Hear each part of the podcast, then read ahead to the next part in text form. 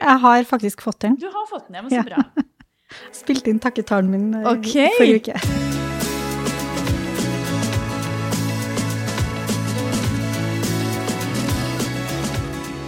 Velkommen til Kosmorama podkast. Jeg heter Silje Engenes og er direktør for Filmfestivalen. Mange kvinner som har starta en karriere som filmarbeider, skifter etter hvert beite. Filmarbeider og produsent Bente Målen har selv kjent på utfordringene med å være kvinne i en bransje bygd på strukturer fra da menn dominerte. Hun deler tankene sine om akkurat dette med journalist Randi Lillealteren.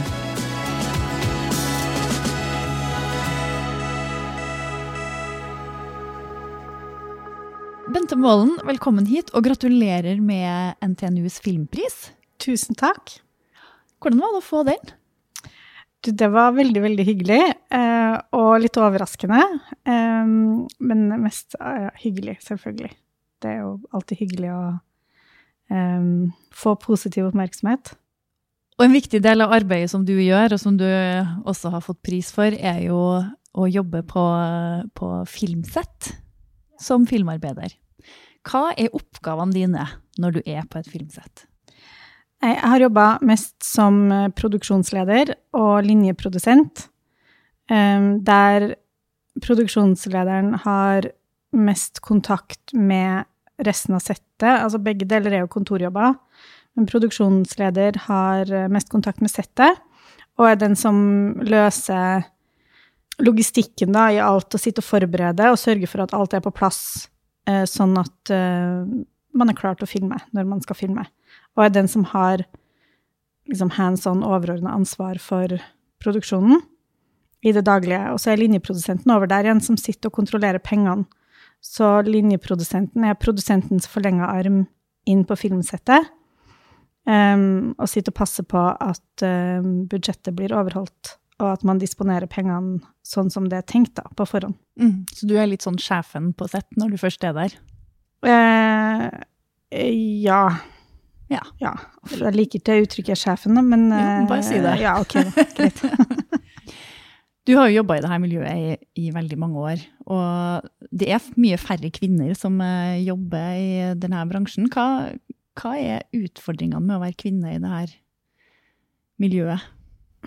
Jeg tror nok at det å være kvinne i seg sjøl er ikke nødvendigvis en utfordring. Eh, det handler kanskje litt om å få innpass.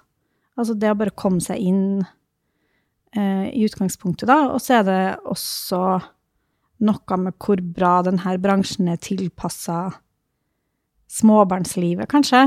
For at jeg er nok stygt redd for at sjøl om vi liker å tenke at vi har likestilling i Norge, og, og um, de ordningene vi har i Norge er tilpassa at det skal fordeles permisjonstid og alt sånn, så havner vi nok noen tiår tilbake i tid plutselig når vi får unger i sånn kjønnsrollemønster. Um, og det er jo litt naturlig, fordi det er nå en gang kvinnene som bærer frem det her barnet, og som ammer, og som kanskje òg derfor føler en litt sånn sterkere tilknytning til det, og har litt vanskelig for å rive seg løs, da, spesielt det første året. Um, man blir jo påvirka av hormoner og sånn. Alle som har vært gravid, eller mange som har vært gravid, kan jo kjenne på sånne redebyggingsbehov og sånn, det er jo hormonelt. Det er jo ikke noe vi kontrollerer sjøl. Og da tror jeg at det er vanskelig å finne um, en hverdag som går opp, da. Spesielt kanskje for kvinner, fordi at man føler at man går glipp av så mye på hjemmefronten, kanskje. Eller kanskje man ikke har en partner som er flink nok til å tilrettelegge. Eller kanskje man rett og slett eh, har en partner som også jobber i filmbransjen. Og hvis begge to skal være ute på location og jobbe titimersdager, så går det jo ikke opp. Det er jo ikke noen barnehager som er tilpassa det, liksom. Og er du alenemor, da, så er du jo Det går jo ikke. Da må du jo ha familie som hjelper til. Så det er jo spesielt hvis du er filmarbeider og jobber på sett, så tror jeg det er veldig vanskelig. Men i de fleste andre yrker og i samfunnet nå, så, så bidrar jo og deltar jo menn og fedre på en helt annen måte enn man gjorde for ja, i hvert fall 30-40 år siden, men kanskje også bare 20 år siden. Hva tror du er grunnen til at, at menn ikke opplever det like problematisk å fortsette å jobbe på filmsett når de får barn, som det kvinner syns?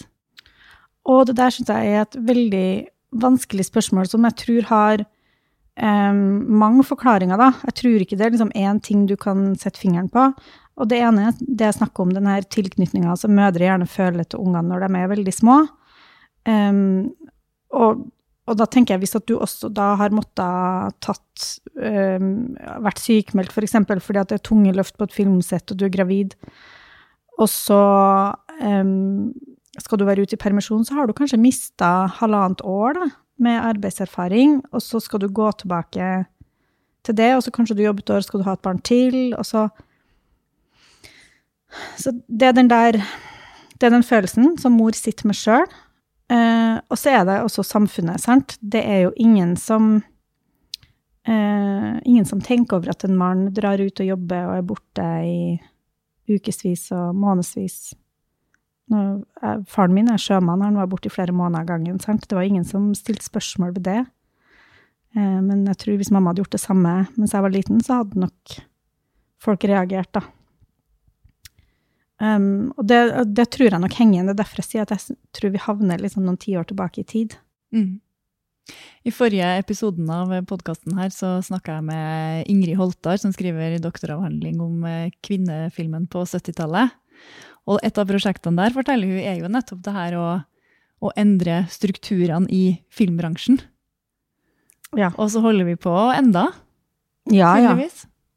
Men jeg, jeg, må jo si at akkurat de strukturene der, da eh, det er jo ja, det er hvordan vi ser på menn og kvinner som reiser vekk fra ungene sine når de er små, det kan vi jo godt endre på, syns jeg. Jeg får jo mye spørsmål om det um, fremdeles. Både liksom hvordan For du reiser bort ganske lenge? Ja, ja. Jeg reiser um, Nå har jeg jobba en del i Oslo de siste par årene, men jeg har jo um, For noen år siden så hadde jeg jo Ett år så var jeg 100 dager på filmcamp som ligger i Indre Troms. Uh, ikke sånn kjempeenkelt å komme seg hjem derfra. Du drar til hjem hver helg da. Så det lengste jeg var der, jeg var vel tre uker i strekk, da, uten å være hjemme. Men så er det jo fra fredag til søndag, da, så er det jo akkurat noe Det er jo bare en kjapp tur hjemom før man drar igjen.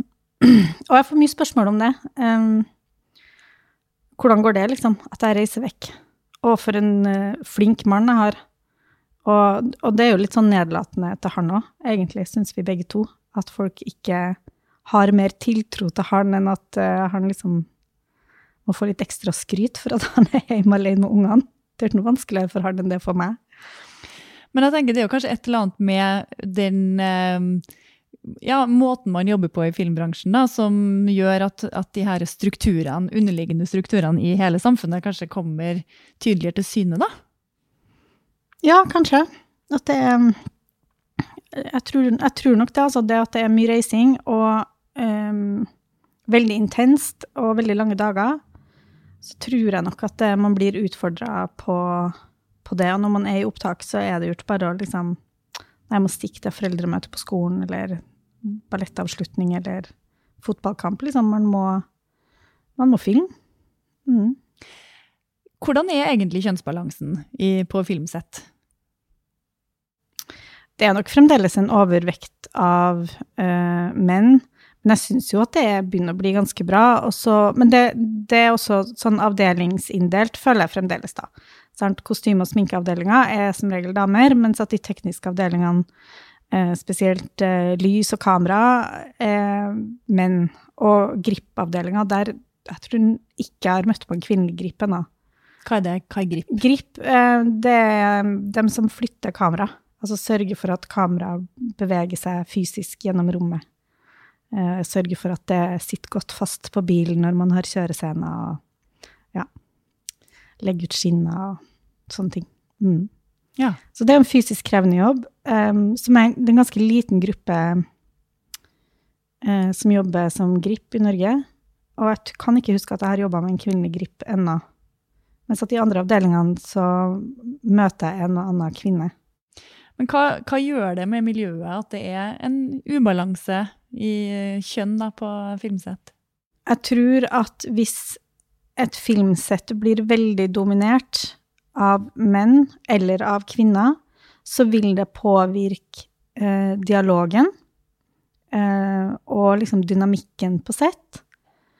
Og sjøl om man kanskje ikke tenker at det nødvendigvis er negativt, så eh, vil det nok kanskje oppleves eh, slitsomt for den ene, eller de to personene som da er av motsatt kjønn, som har forvilla seg inn i det her miljøet.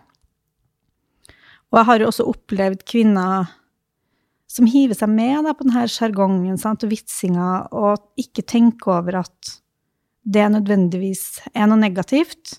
Men så vet man jo aldri hvem det er som står en meter unna og hører på heller. Um, om det er andre i staben, eller om det er skuespillere, eller om det er bare en tilfeldig forbipasserende. Så jeg tenker nok at en balanse på et filmsett er bra for miljøet sånn generelt. Um, og det er det viktig å jobbe for, da. Og så er det også noe med at um, det er ingenting som tilsier at menn er flinkere enn kvinner til noen jobber, og kvinner er flinkere enn menn til noen jobber, ikke på et filmsett heller. Så det at ikke vi har noen kvinnelige gripper, da,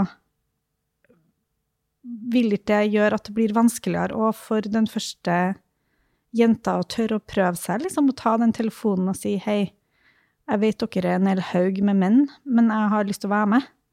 Sant? Eh, det kan være veldig vanskelig å være den første, og da er det jo fint hvis de mennene som er i bransjen, åpner den døra og ønsker kvinnene velkommen inn. Og det er det ganske mange som gjør. Men det er også ganske mange som ikke gjør det. Mm. Nå nevnte du jo litt et forslag, men hva kan bransjen gjøre for å jevne ut denne eh, ubalansen som er i dag? Eh, jeg tror det handler om bevisstgjøring.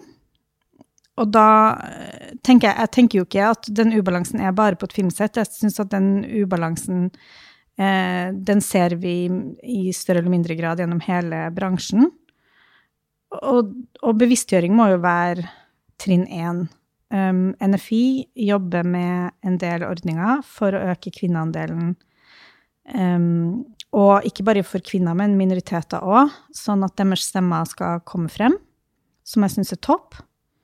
Uh, og så tenker jeg at de som er i posisjon til å hjelpe noen opp og frem, må ha en bevissthet rundt at de også har et ansvar, da.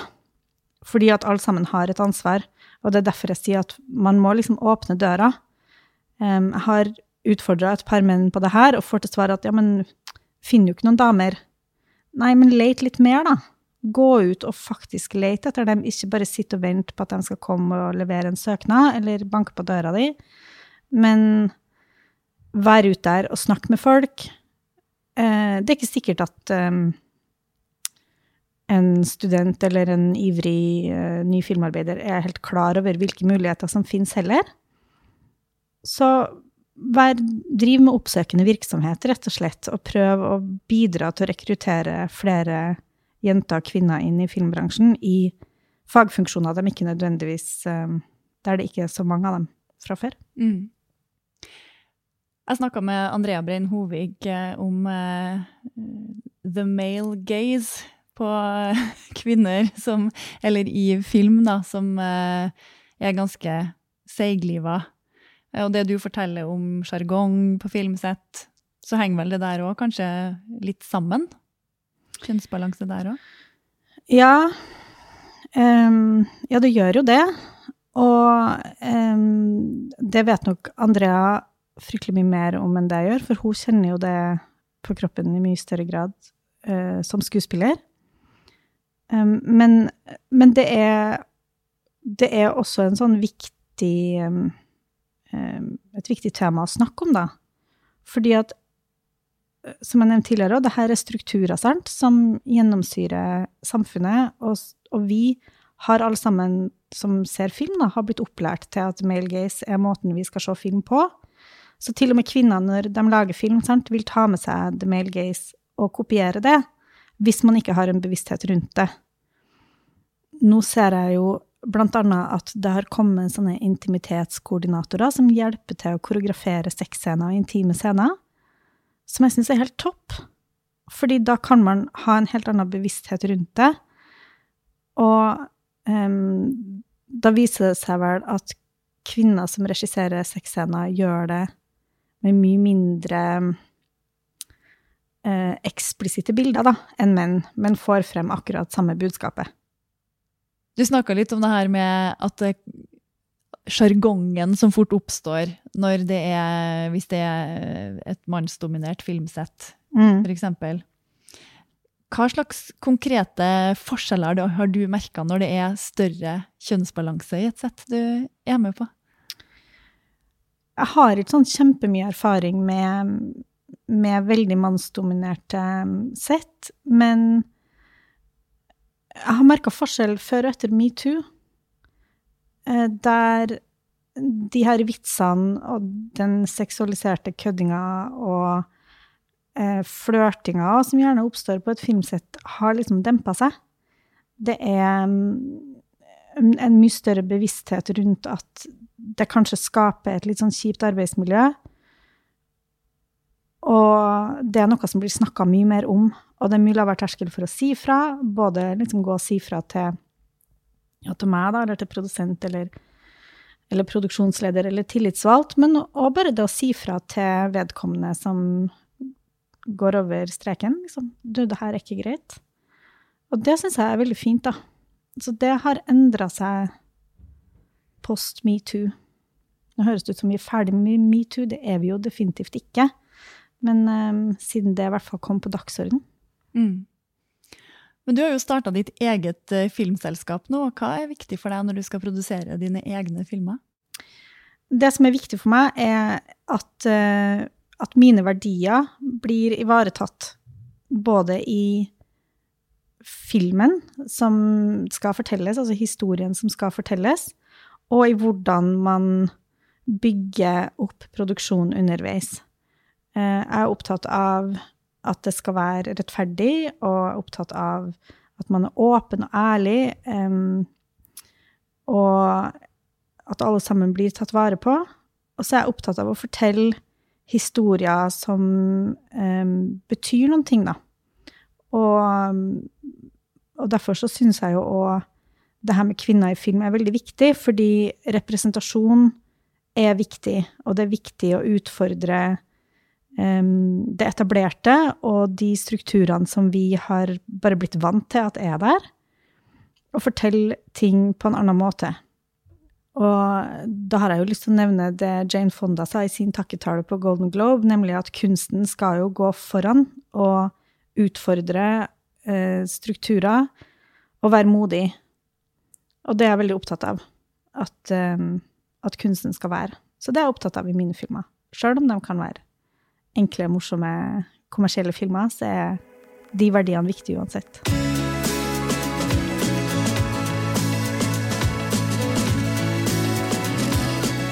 Bente Målen, tusen takk for at du var med i podkasten til Kosmorama. Og lykke til med både filmsett og filmproduksjon. Tusen takk.